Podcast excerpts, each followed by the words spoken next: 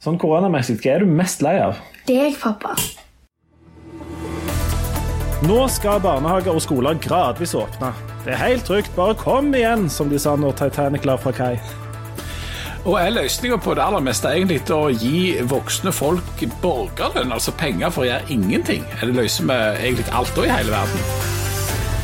Velkommen til Aftenbladet. Du Jan, den var litt drøy, den der Titanic-referansen min i starten der, var den ikke det? Ja, jeg synes det, det, må jo være en tid for alt, og nå må det jo være en tid for å være drøye. Nå er vi i ferd med å åpne opp igjen, og det vi må kunne åpne opp for da, det er jo det drøye. Ja. Du, hva, hva, denne gjenåpningen, har den noe å si for deg? Får du sendt noen på skolen, eller noen inn, inn, inn i systemet, liksom? Ja, det skal sendes eh, Vi har en unge som går i tredje klasse, så det betyr jo at denne tredjeklassingen vil måtte gå på skolen.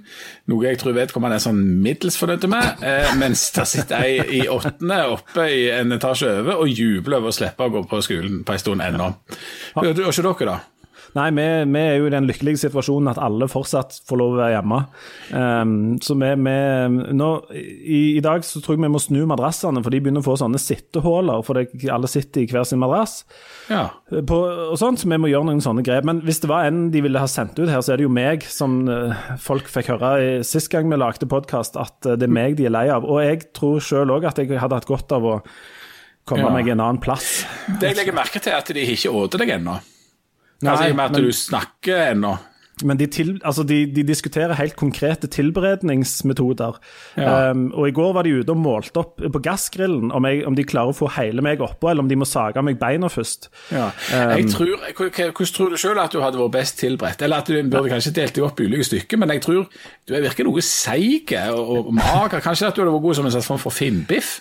Jeg har foreslått eh, at de skal tilberede meg sånn som du gjør med svinenakke på sikt. Altså at du setter den på, eh, legger den på grillen og så bare lar den ligge i time etter time etter time. Ja. Her, har, her, har, jeg noen innspill som restaurantanmelder. Uh, Der kommer Harald Birkevold, kommentator og restaurantanmelder inn i bildet. Kom med noen innspill, Birkevold. Nei, altså, Han er jo mager, Lindø. Ja. Selv, om jeg, selv, om jeg, har lagt merke til at han har begynt å legge litt på seg nå som han har blitt voksen.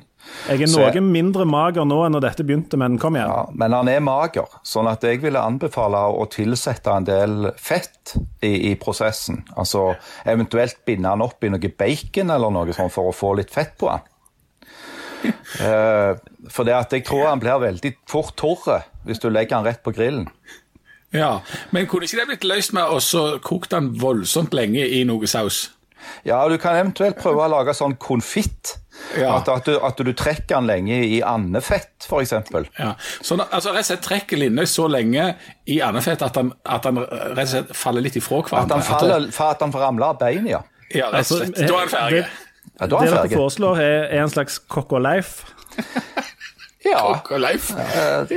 Ja, det er strålende. Altså, men det, dette vil jo uansett, hvis de, hvis de, tilbereder meg på godt vis, så vil det være en opptur fra resten av livet mitt. fordi at eh, For et par dager siden begynte naboen min å grave opp plenen eh, hos seg. Og, og, vi har utviklet, eller jeg har utvikla et sånt system der jeg ser hva han gjør av sånn manuelt arbeid, og så, et par dager etterpå, så stikker jeg ut og gjør omtrent det samme, med veldig vekslende hell på, på, hvordan dette går.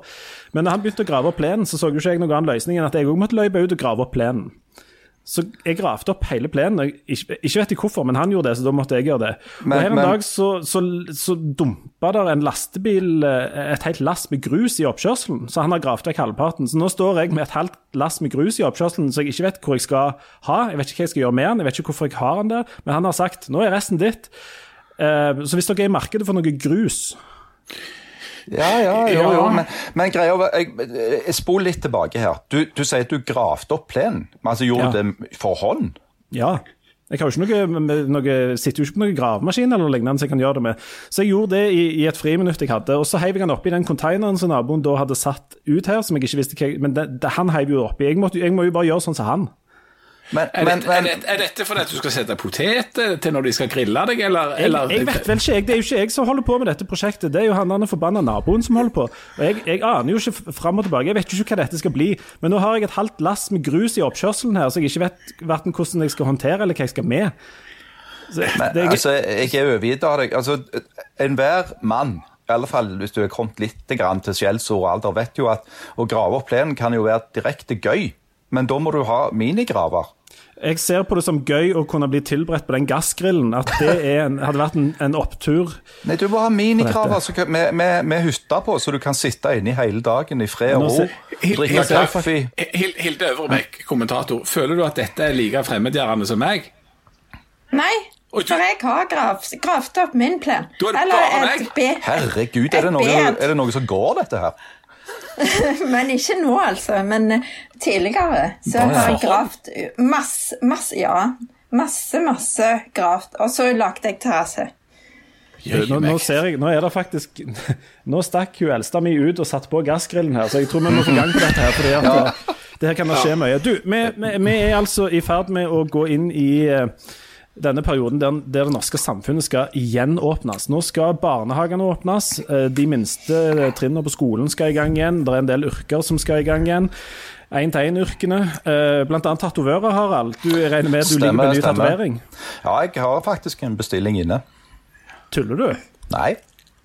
Herlighet. I en alder av nesten 80 så klarer ja. du fremdeles å oppføre deg som en 17-åring. Hva i all verden skal du tatovere? Mentalt er jeg jo nærmere 90. Herlighet. Hva er det du skal tatovere tatovere? Uh, jeg, det var Egentlig så skulle det være noen noe planter, forskjellige vekster. Men uh, nå har jeg òg lagt inn bestilling på et uh, faktisk koronavirus. Skal du tatovere et koronavirus på deg? Jeg skal det. Oh, det er altså menn i krise. Det fins nesten ikke noe tristere. Det, ja, ja, ja. De grev der, der, der, snakker du med en viss tyngde. Ja, ja, ja, ja. Hvor skal du ha denne tatoveringen? Helt kort, og husk at det er et familieprogram. Nei, altså, Tenker du på, på den viruset? Ja. ja nei, det, det, blir et eller annet sted i albukroken, siden det er der du skal hoste. Akkurat. Jeg tror, vi, jeg tror, vi, lar det være med det. Vi vil love å komme tilbake med bildebevis når denne tatoveringen fins. Men, men, samfunnet skal nå åpnes opp. Eh, er dere, hvordan skal en forholde seg til det? Eh, Hilde, er det trygt å sende unger i barnehage og på skole?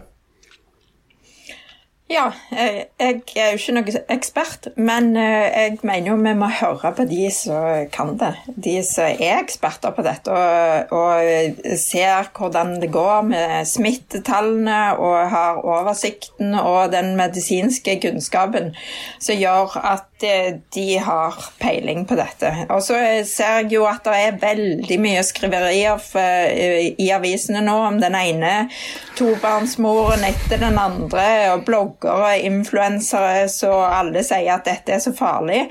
Men så tenker jeg at uh, hvor i all verden har de fått den pandemiekspertisen sin fra? Så jeg tror at vi må rett og slett samme som vi gjorde når vi, når um, vi sa at ja, nå må alle være inne, nå må ingen reise på hytta. Så, så, må vi stole på at de, de kan det de uh, er satt til å gjøre. Jeg er så hjertelig enig. Jeg syns òg at en skal lytte til fagekspertisen. Og blant de som jo ikke lytter til fagekspertisen nå, så har du blogger og influensere, tobarnsmødre, men òg politikerne på Stortinget, eller i regjering nå. Fordi at Folkehelseinstituttet, altså fagekspertene, de mente at en burde åpne barnehage og skole fra 1. til sjuende klasse rett over påske. Politikerne har altså valgt å åpne ikke rett over påske, men vente halvannen til to uker til og så åpne bare for 1. til 4. klasse. Det er vel mest logisk at eh, influensere og tobarnsmødre òg eh, eh, finner på sin egen variant når til og med Erna Solberg er det, er det ikke det, Harald Birkevold? Eh, jo, eh, samtidig så er det nok sånn at eh, noen må bestemme. og politikerne tar jo beslutningene sine ikke utelukkende fra et smittevernperspektiv. Eh, de tenker bl.a. på eh, det store byråkratiet som skal på en måte restartes i forbindelse med at du skal åpne skolene. Eh, og Det er en mye mer komplisert prosess å åpne de enn å stenge de. Og Det kan være en grunn til at de ønsker å skynde seg litt langsomt og så se det litt an. Og At det ikke bare handler om smittevern, men òg handler om rett og slett praktisk gjennomføring av dette. her. Men når det gjelder eh, disse som er skeptiske til å sende ungene sine da, eh, i barnehage og skole um, jeg, jeg, Vi alle skjønner jo at eksperter er eksperter, og sånt, men der, skal vi ikke ha noe rom for at folk skal kunne være litt engstelige, ta forbehold, f.eks. For hvis de har muligheten til å ha ungene sine hjemme. Er det ikke det, kunne ikke det nesten vært fornuftig at en del av disse ungene faktisk blir hjemme, hvis foreldrene mener at det er riktig, hvis de har kapasitet til å undervise dem f.eks., følge dem opp, og ikke minst eh, minske trykket på de skolene og barnehagene som faktisk åpner. Kan ikke det være greit til det?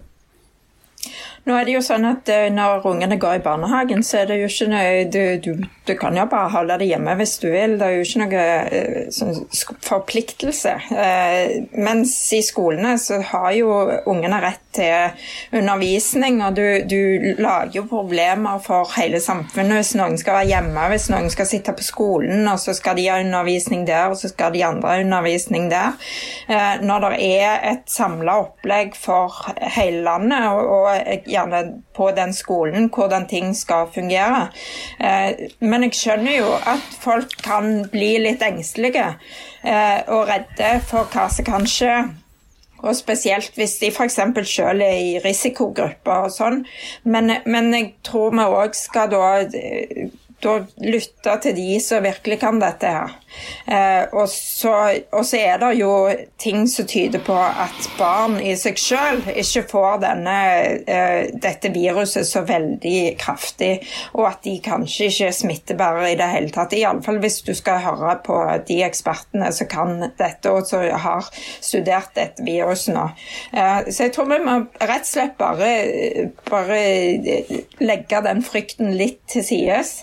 Eh, og se eh, at det går nok helt sikkert fint. Jeg syns det var veldig interessant å høre Barneombudet som uttalte seg om dette. For Barneombudet skal jo da være den fremste talspersonen for, eh, for barn og barns interesser. Og hun for det første etterlyste politikerne sin, sin, begrunnelse for å bare åpne opp for halve barneskolen. Hva, hva som er logikken bak det, det har hun jo ikke fått noen god forklaring på. Og hun, eh, Det er interessant å legge merke til at hun som òg har andre hensyn enn de rent smittevernmessige, mener at det er, en, det er, et større problem for norske barn at de ikke får komme på skolen, eh, enn eh, enn at de nå må, må, må sitte hjemme for å ivareta et eller annet smittevernmessig. Så Barneombudet mener at det er barnas interesse at så mange av de kommer seg på skolen så fort som mulig. Og Hun sa jo òg forhold dere til fakta, ikke til frykten. Problemet er at fakta endrer seg hele tida, men det er nå en annen skål. Jeg uh, syns jo det er veldig lett å skjønne at uh, mange som um, Altså at mange er engstelige nå. Fordi at befolkningen fikk jo den 12. mars beskjed om at dette er den største krisen vi har opplevd siden krigen. og verden rundt oss virker jo mer usikre enn på lenge. Og det florerer av teorier og konspirasjonsteorier om denne her uh, epidemien eller pandemien. Det, så det er ikke det minste rart at mange som kanskje har litt anlegg for å være litt ja, nervøse fra før, blir enda mer nervøse. Uh, jeg trøster meg for min del med at uh, det viser seg at ca. 70 av oss er, er, ganske sånn passive i krisesituasjoner og gjør sånn som vi får beskjed om. Og at de 70% sannsynligvis vil være nok til at du får de effektene av tiltakene som du vil ha. Noen vil protestere, noen vil mene at det er for lite som blir åpna, noen vil mene det blir for mye. Men de aller fleste vil forholde seg til det som blir, eh, blir resultatet. Og det tror jeg er en bra ting. Gud, hvor ryker den der grillen der ute nå. Vi må, jeg holdt på å si, vi må peise av gårde. Eh, før vi går over på neste tema her. Det, de aller fleste av oss går jo rundt og lurer på uh, spørsmål som hvor lenge kommer dette til å vare? Hva skjer på en måte neste gang Erna Solberg sier noe sånn avgjørende om hvordan vi skal forholde oss til ting framover? Hvordan, uh, hvordan ser dere, Harald og Hilde, på eller hva tror dere om f.eks. om sommeren, sommerferien? Hva, hva slags regime eh, kan vi se for oss at vi lever under da? Jeg tror det kommer til å bli mer usikkert framover. Eh, fordi at det, det å stenge ned eh, på den dramatiske og omfattende måten som ble gjort for eh, en måned siden, er merkelig nok en litt enklere beslutning enn det å åpne opp gradvis. For det at når du stenger ned alt, så sier du sånne ting som at ingen får reise på hytta. Ingen får gå på skolen. Ingen får gå på kafé. Når du begynner å åpne opp igjen, så vil du stadig vekk komme opp i områder hvor det er rom for tolking. Ok, eh, Hva betyr det nå at unødvendige fritidsreiser, hva er det? Fins det noe som heter nødvendige fritidsreiser? Er ikke alle fritidsreiser per definisjon unødvendige? Eh, så der har du jo kilde til mye moro. Og så har du dette med Jeg hørte Marit Arnstad snakke i dag på, på, på radioen om, som er parlamentarisk leder i Senterpartiet, om at hvorfor kan ikke små kommuner som ikke har smitte, åpne alle skoletrinnene allerede nå? Jo, det kan de sikkert gjøre, men da vil du stadig vekk møte på sånne tvilstilfeller. Er denne kommunen liten nok og smittefri nok til at den kan gjøre det? Eller er det bare de som er enda mindre og enda mer smittefri? Og så har du det gående. Og jeg tror at vi vil være oppe i mange sånne diskusjoner når samfunnet skal gradvis åpnes. Jeg, jeg tror at... Ja, og så er det jo sånn det, Du vet jo ikke hvor lenge dette varer. Om det blusser opp igjen, f.eks. at du får en sånn andre, andre bølge. Eh, I og med at vi kanskje ikke har vært smitta, så mange av oss. Eh, at, at, det da igjen blir at de må stramme inn, eller eh, at, de, at, de, kan løse opp litt til. Så det, det er jo veldig mange som sier eh, ta norgesferien i år og sånn. Men, men eh, når vi, når vi liksom eh, Hvis vi da er i juni der som vi er nå, eh, igjen, så betyr jo det at vi igjen ikke kan reise, at vi ikke kan gjøre noe. Så det er kanskje best å bare fyre opp grillen i hagen. Kost. Ja, ja. Jeg, jeg, men jeg mener den, den, den, geografiske diskusjonen den er jo interessant, og det handler om noe av det vi snakket om sist gang, nemlig om legitimiteten og, og oppslutningen om dette. Jeg tror at det er over tid, og iallfall nå når smittetallene er så lave og det har gått såpass bra, så vil det være ubegripelig for veldig mange rundt omkring i Norge. Du ser det f.eks. i Nord-Norge, der det knapt finnes noe smitte. Det finnes altså kommuner der det knapt er noe smitte. Det var jo en, en eh, overlege ute fra Stavanger som sa at det er ikke kommet noen ny smitte, og at en bør tenke geografisk differensiering.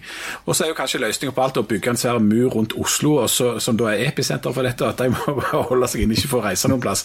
Men, men, men dette, blir, dette, er jo eh, eh, tiltak som blir lagt universelt for hele Norge, uavhengig av smittesituasjonen. Mm. Enten du bor i Oslo indre øst, der det er mest smitte, eller i ei bygd der det ikke finnes noen smitte i det hele tatt.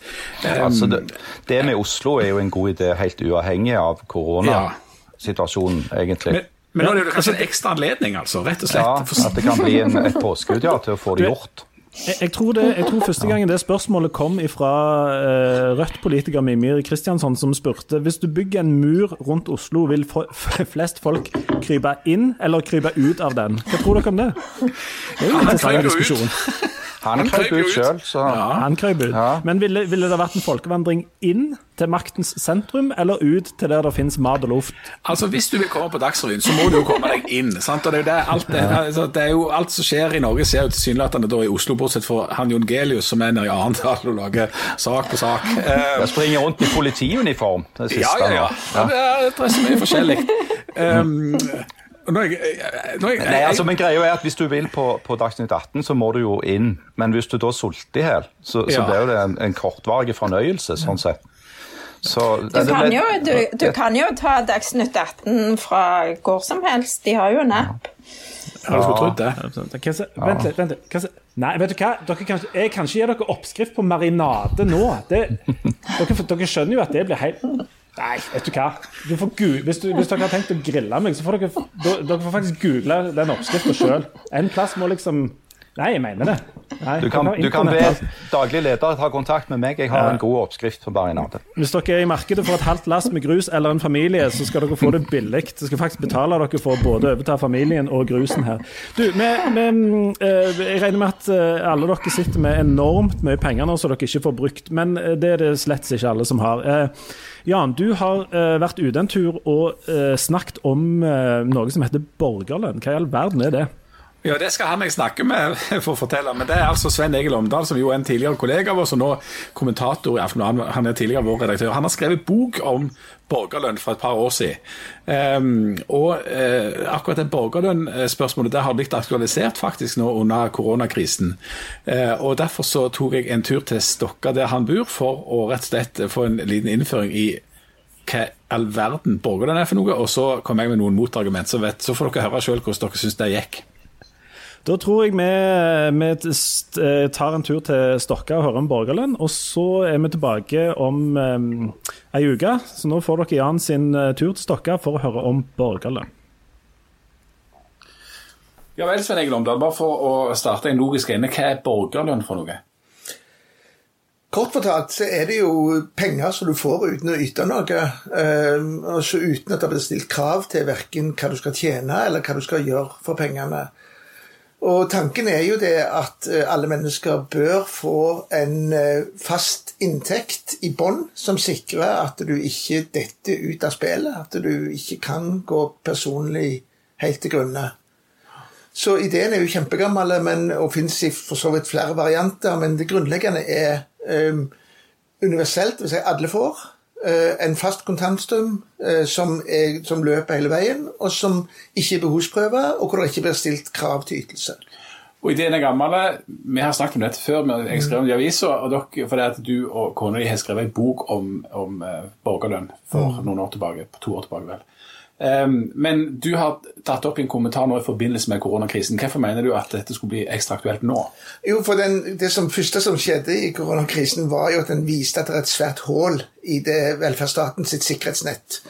Um, mange vil bli eh, berga på den måten at staten går inn og betaler permitteringsytelser og sånne ting, men de som de mange som er selvstendig næringsdrivende, og det gjelder ikke nødvendigvis folk som driver butikk, det kan være kunstnere, det er folk som er tilkallingsvikarer, som jobber på restauranter, som eh, sykler rundt med maten vår. Det er hele det som kalles prekariat, altså de folka som ikke har en fast tilknytning til arbeidslivet. De plutselig oppdaget fra den ene dagen til den andre så forsvant hele inntekten. Og så eh, tok det noen dager før staten fikk svømme seg og lanserte en nødløsning eh, som går ut på at de skal få 80% av de inntekt, gjennomsnittsinntekt de siste tre åra. Um, og så driver Nav nå og skal lage en nødløsning på nødløsningen for å få penger ut til disse folka raskt nok. Hvis det hadde vært en ordning med borgerlønn, så ville alle disse folka hatt et gulv som de ikke kom unna. Det ville vært en inntekt i bunnen der som ville sørge for at de ikke fikk denne følelsen av fritt fall som mange fikk. Men fins ikke det gulvet allerede i Norge? Altså, Vi er jo verdens mest omfattende velferdsstat. Det at staten kom på banen og, og bruker 28 milliarder i måneden eller hva for noe på å sikre folk. Men òg i, i, en dagligdags situasjon at det, så finnes det jo sosialstønad, det finnes, det finnes jo en masse stønad. Ja, det siste, siste gulvet vårt er sosialhjelp. Men for å få sosialhjelp så må du altså selge alt du har og kvitte deg med alle eiendommer, leiligheter, hus, bil, før du, er, før du kan motta sosialhjelp. Så det er et, eh, en ordning som holder deg i fattigdom. Som gjør at du må gå så langt ned i kjelleren som du kan, og så blir du holdt der. Tanken bak borgerlønna er en annen, det er nemlig at det gulvet skal være høyt nok eh, til at det, du kan eksistere. Det er ikke noe å bli rik på, og det er heller ikke til erstatning for en vanlig inntekt men det er et, et gulv som er såpass høyt at du har til husleie, at du har til mat, at du har til klær på kroppen. Og så vet du at verre enn det kan det ikke bli. Og Dette er jo som du sier, en ganske gammel tanke. Eh, den er blitt framført av noen parti, noen ganske små parti, eh, f.eks. MDG og Venstre har vært inne på det. Og det har òg en tanke som har figurert blant noen økonomer, f.eks. Kalle Moene i mm. Norge har, har, argumentert for dette. Og han har argumentert for 80 000 i året eh, mm. som, som, en sånn en, uh, grunnlønn. Um, du foreslår i den kommentaren du skrev i Aftenbladet at etter at dette er over, så bør en innføre 200 000 mm. kroner i året hver til mm. Alle folk. Mm. Eh, hvorfor har du høyna det budet noe voldsomt? Det, det, er ganske vanlig å operere med 2G i Norge når en diskuterer borgerlønn, som er 200 000. Og det er fordi at um, Kalle sitt nivå er for lavt til at folk kan eksistere på det. Han, det er mange beregninger hvordan du gjør det, og, og um, 200 000 kan høres mye ut hvis du er flere i en uh, husstand, men, men, det kan du regulere igjen med beskatning. Du kan alltid, hvis hensikten med borgerlønn og det kan være mange grunner til å ha borgerlønn, men hvis hensikten bare er å sørge for dette gulvet, så kan du ta pengene inn igjen ved en progressiv beskatning fra et visst nivå. Sånn at bare når de folka som har ingen annen inntekt eller liten annen inntekt, de får disse 200 000 ubeskåret. Og Jo høyere du kommer på inntektsstigen, jo mer blir beskåret, til du kanskje drar inn 100% igjen i, i toppbeskatning av dette. På den måten så, så har du et gulv som er som er høyere og tryggere enn en f.eks. 80 000 ville vært. Men dette bryter jo totalt med det som har vært tankegangen i Norge og ja, det meste av verden. At inntekt skal være knytta til innsats. At du skal yte for å nyte, at du skal bidra, at du skal gjøre noe for å få penger. Det Er ikke dette å stimulere til lediggang og til egentlig å lage en, en underklasse av, av, av, uvirksomme folk? Er ikke det det motsatte av det en stat bør gjøre? Den, den samme Kalle Mone han kaller ofte borgerlønn for barnetrygd for voksne, fordi at vi har i begge ender av livsløpet så har vi en form for, for borgerlønn. Vi har barnetrygda som riktignok har stått fast veldig lenge og derfor er blitt ganske lave opp til vi er 18, og så får vi pensjon, folketrygd, fra vi er 62 eller 65 eller 67, avhengig av hva tid du tar det ut. Så i begge ender av livet så har du penger som du får uten å yte noe. Så spørsmålet er hvorfor er dette så problematisk i den midtfasen mellom 18 og 62 år? Eh, folk er redde for at folk vil legge seg hjemme på sofaen. Og da er det veldig vanlig å spørre folk ville du gjort det. Så sier folk nei, jeg ville ikke gjort det, men jeg tror at mange andre ville gjort det. Folk har liten tiltro til andre folk, men de har stor tiltro til at de sjøl ikke ville likt et liv uten aktivitet. Og jeg tror at alle som nå har vært tvangsmessig hjemme de siste fire ukene, det, de vil merke på kroppen at de fleste av oss har en trang til å gå ut i samfunnet og gjøre noe nyttig. Dessuten så vil en borgerlønn òg være så lav at du vil leve på et veldig lavt nivå.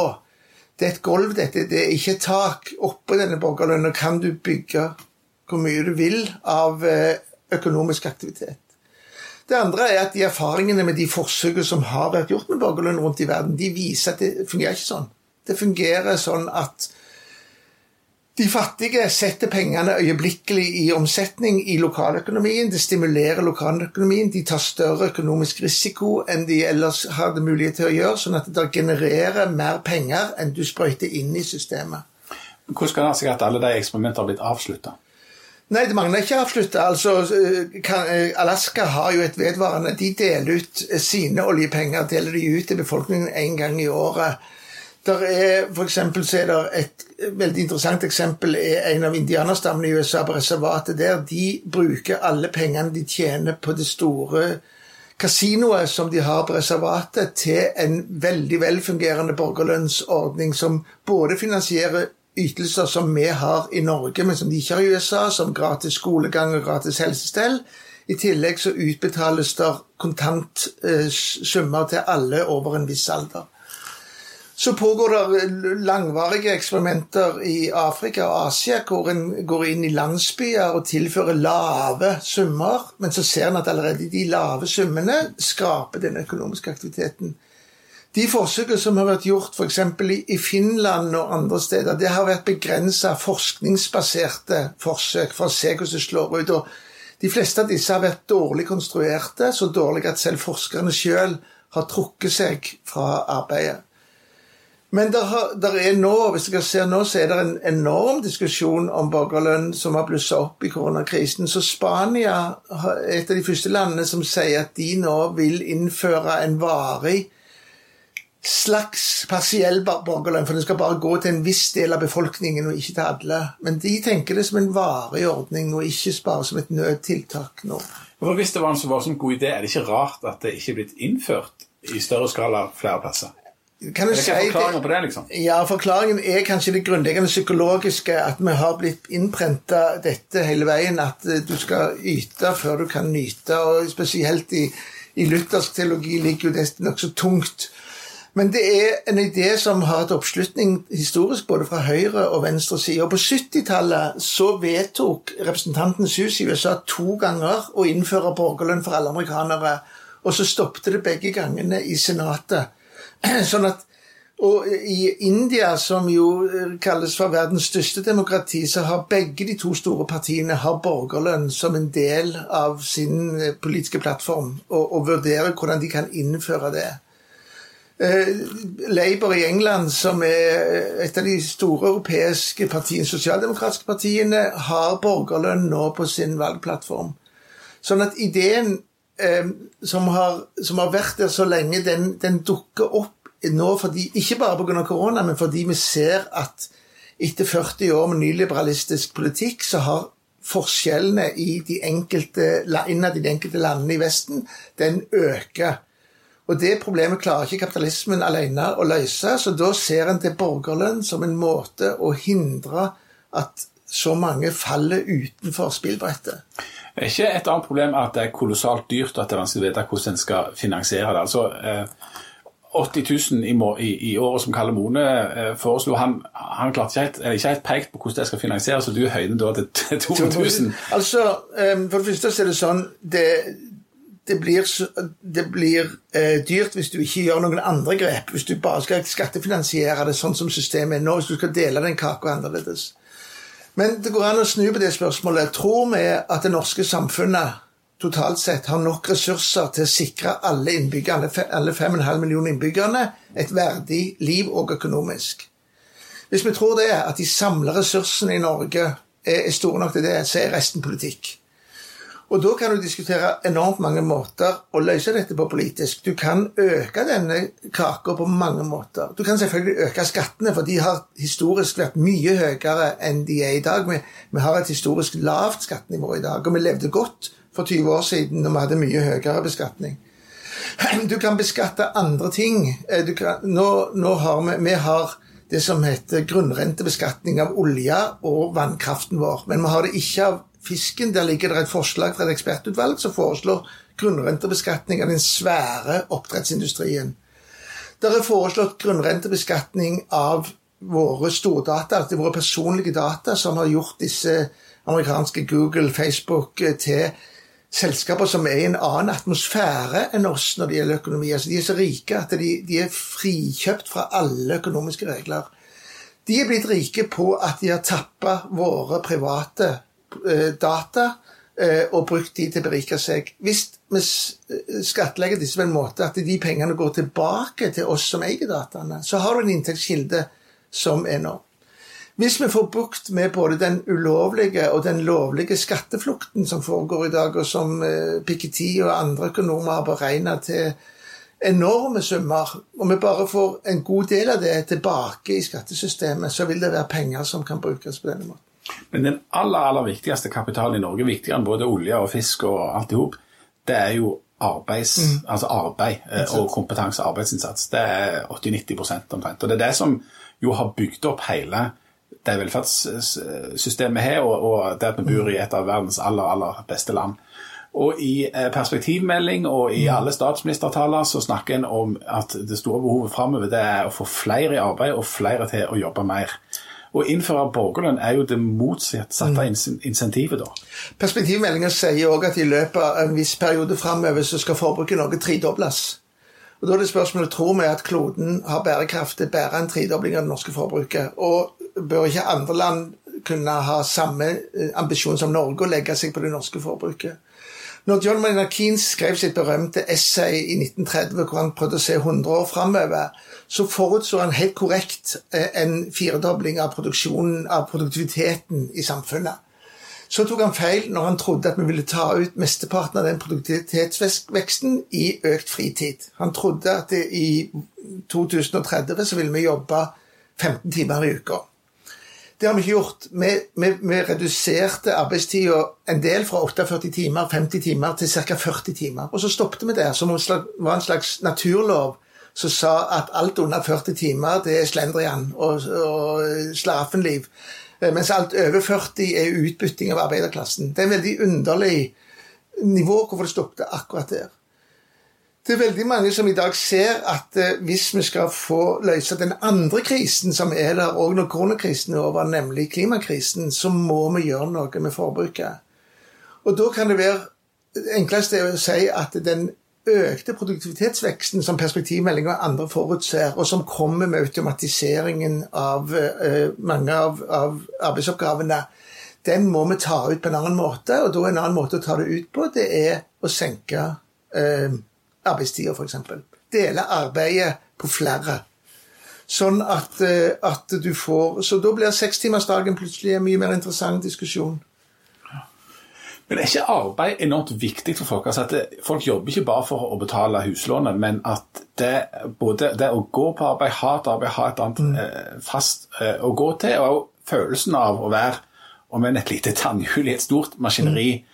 Er enormt viktig for folk. Sånn at, at jobben, det å, å, å, jobbe og virke, er viktig for et samfunn uansett. Mange mennesker lever for å jobbe, mange andre mennesker jobber, jobber for å leve. Denne diskusjonen om arbeidsbetydning foregår hovedsakelig blant den første gruppa. Eh, de som, som, eh, lever for å jobbe. De er opptatt av jobben sin, de har jobber som har stor frihet, de har jobber som betaler seg mange, på mange måter, både økonomisk og på andre måter. De kunne ikke tenkt seg å ikke jobbe. Det finnes enorme, svære internasjonale undersøkelser som viser hvor mange mennesker på jorda som ikke tenker sånn om jobben sin, som ser jobben som et nødvendig onde for å kunne spise og leve. Sånn at det er lett å, er lett å glorifisere arbeidets betydning for mennesket når du, når du, har et arbeid som du elsker, som mange av oss i de frie yrkene har. Um, og selv det som er viktig for alle folk, det er jo et sosialt fellesskap med et flokkdyr. Vi trenger å møte andre mennesker. Vi trenger òg å, å, få følelsen av at vi er til nytte. Og Det er jo ingen som foreslår at du skal fjerne arbeidet. Det er snakk om å distribuere arbeidet annerledes, jobbe på andre måter jobbe på måter som ikke skader verken klima eller klodens bærekraft fullt så mye som de gjør. Og da kommer det med å kunne finansiere en Det er en annen grunn til å se på borgerlønn. Det er å finansiere Det er den grønne ideen. Det er der Venstre og MDG og disse kommer inn i den diskusjonen. De ser for seg at du kan bruke borgerlønn for å dempe forbrukspresset og slitasjen på, på ressursene. Og Derfor, så får, derfor, derfor jeg innledningsvis at det er mange diskusjoner av borgerlønn. Det, det, kommer an på hvilken motiv du har for å diskutere borgerlønn. Mm. Du har jo foreslått da, altså på kommentarplass i Aftenbladet at eh, dette bør en se på. På lederplass i Aftenbladet så har de kalt borgeren for en kapitulasjon. altså Der uh, går en imot dette. da.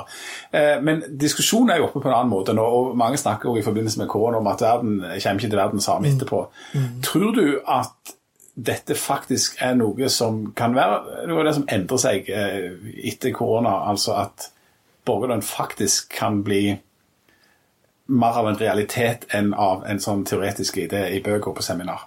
Ja, det tror jeg. Altså Det som skjer nå, og den, altså det som skjer i Norge, det er varianter av borgerlønnstenkning. Det som skjer, er når systemet bryter sammen, så ser en hullene i det. Og så har den norske staten, med de store musklene som den har, skynda seg for å tette disse hullene med gaffateip nå i noen uker og måneder framover. Men som epidemiologer og andre forteller oss, så kan vi ikke være trygge framover på at sånne kriser ikke vil komme igjen med jevne og ujevne, helst så ujevne mellomrom som mulig. Vi kommer helt sikkert til å få en enorm diskusjon om hvordan vi skal ha et system som fungerer sånn at vi ikke får den krisefølelsen. Når når så mange mennesker følte at de ble kastet ut i strikkhopp uten å vite om noen hadde festa strikken den andre enden det er, Hvis disse menneskene engasjerer seg politisk, og, og en får en politisk debatt som går på hvordan kan vi sikre at den velferdsstaten vi har bygd opp, ikke har et sånn åpenbart hull som, som, viser seg hver gang der inntrer en sånn krise. Vi kommer antagelig til å få vedvarende høy arbeidsledighet i, og i de vestlige land i kanskje mange år framover da får en diskusjoner som en fikk når, når, en, når en, fikk kristen på etter 1929-30-tallet, så fikk en New Deal i Amerika som forandra det amerikanske samfunnet grunnleggende. Og Det handler om å dele ut kortet på ny, og det tror jeg kommer til å skje i våre samfunn òg. At en del kort vil bli delt ut på ny, og dette er definitivt et av de kortene som kommer til å være med i, i den kabalen. Topp stemning. Den som lever, får se. Den som lever, får se.